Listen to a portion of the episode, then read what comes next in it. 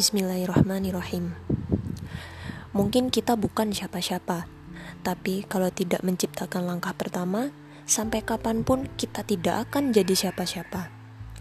Mungkin peran kita bukanlah apa-apa, tapi tanpa peran-peran kecil, tidak mungkin akan muncul peran-peran besar.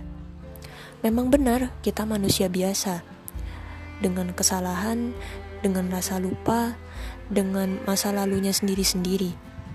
Tapi bila tidak berubah hari ini, mau sampai kapan kita akan terus bertahan dengan diri kita yang sekarang? Padahal kita nggak tahu sampai kapan kita hidup, kita juga nggak tahu kapan kesempatan itu akan datang lagi. Mungkin karena kita merasa kita ini akan hidup lama, makanya jadi sulit disuruh berubah begitu cepat. Padahal dunia ini akan terus seperti itu, memberikan ujiannya, walaupun tetap memberikan keindahan di baliknya.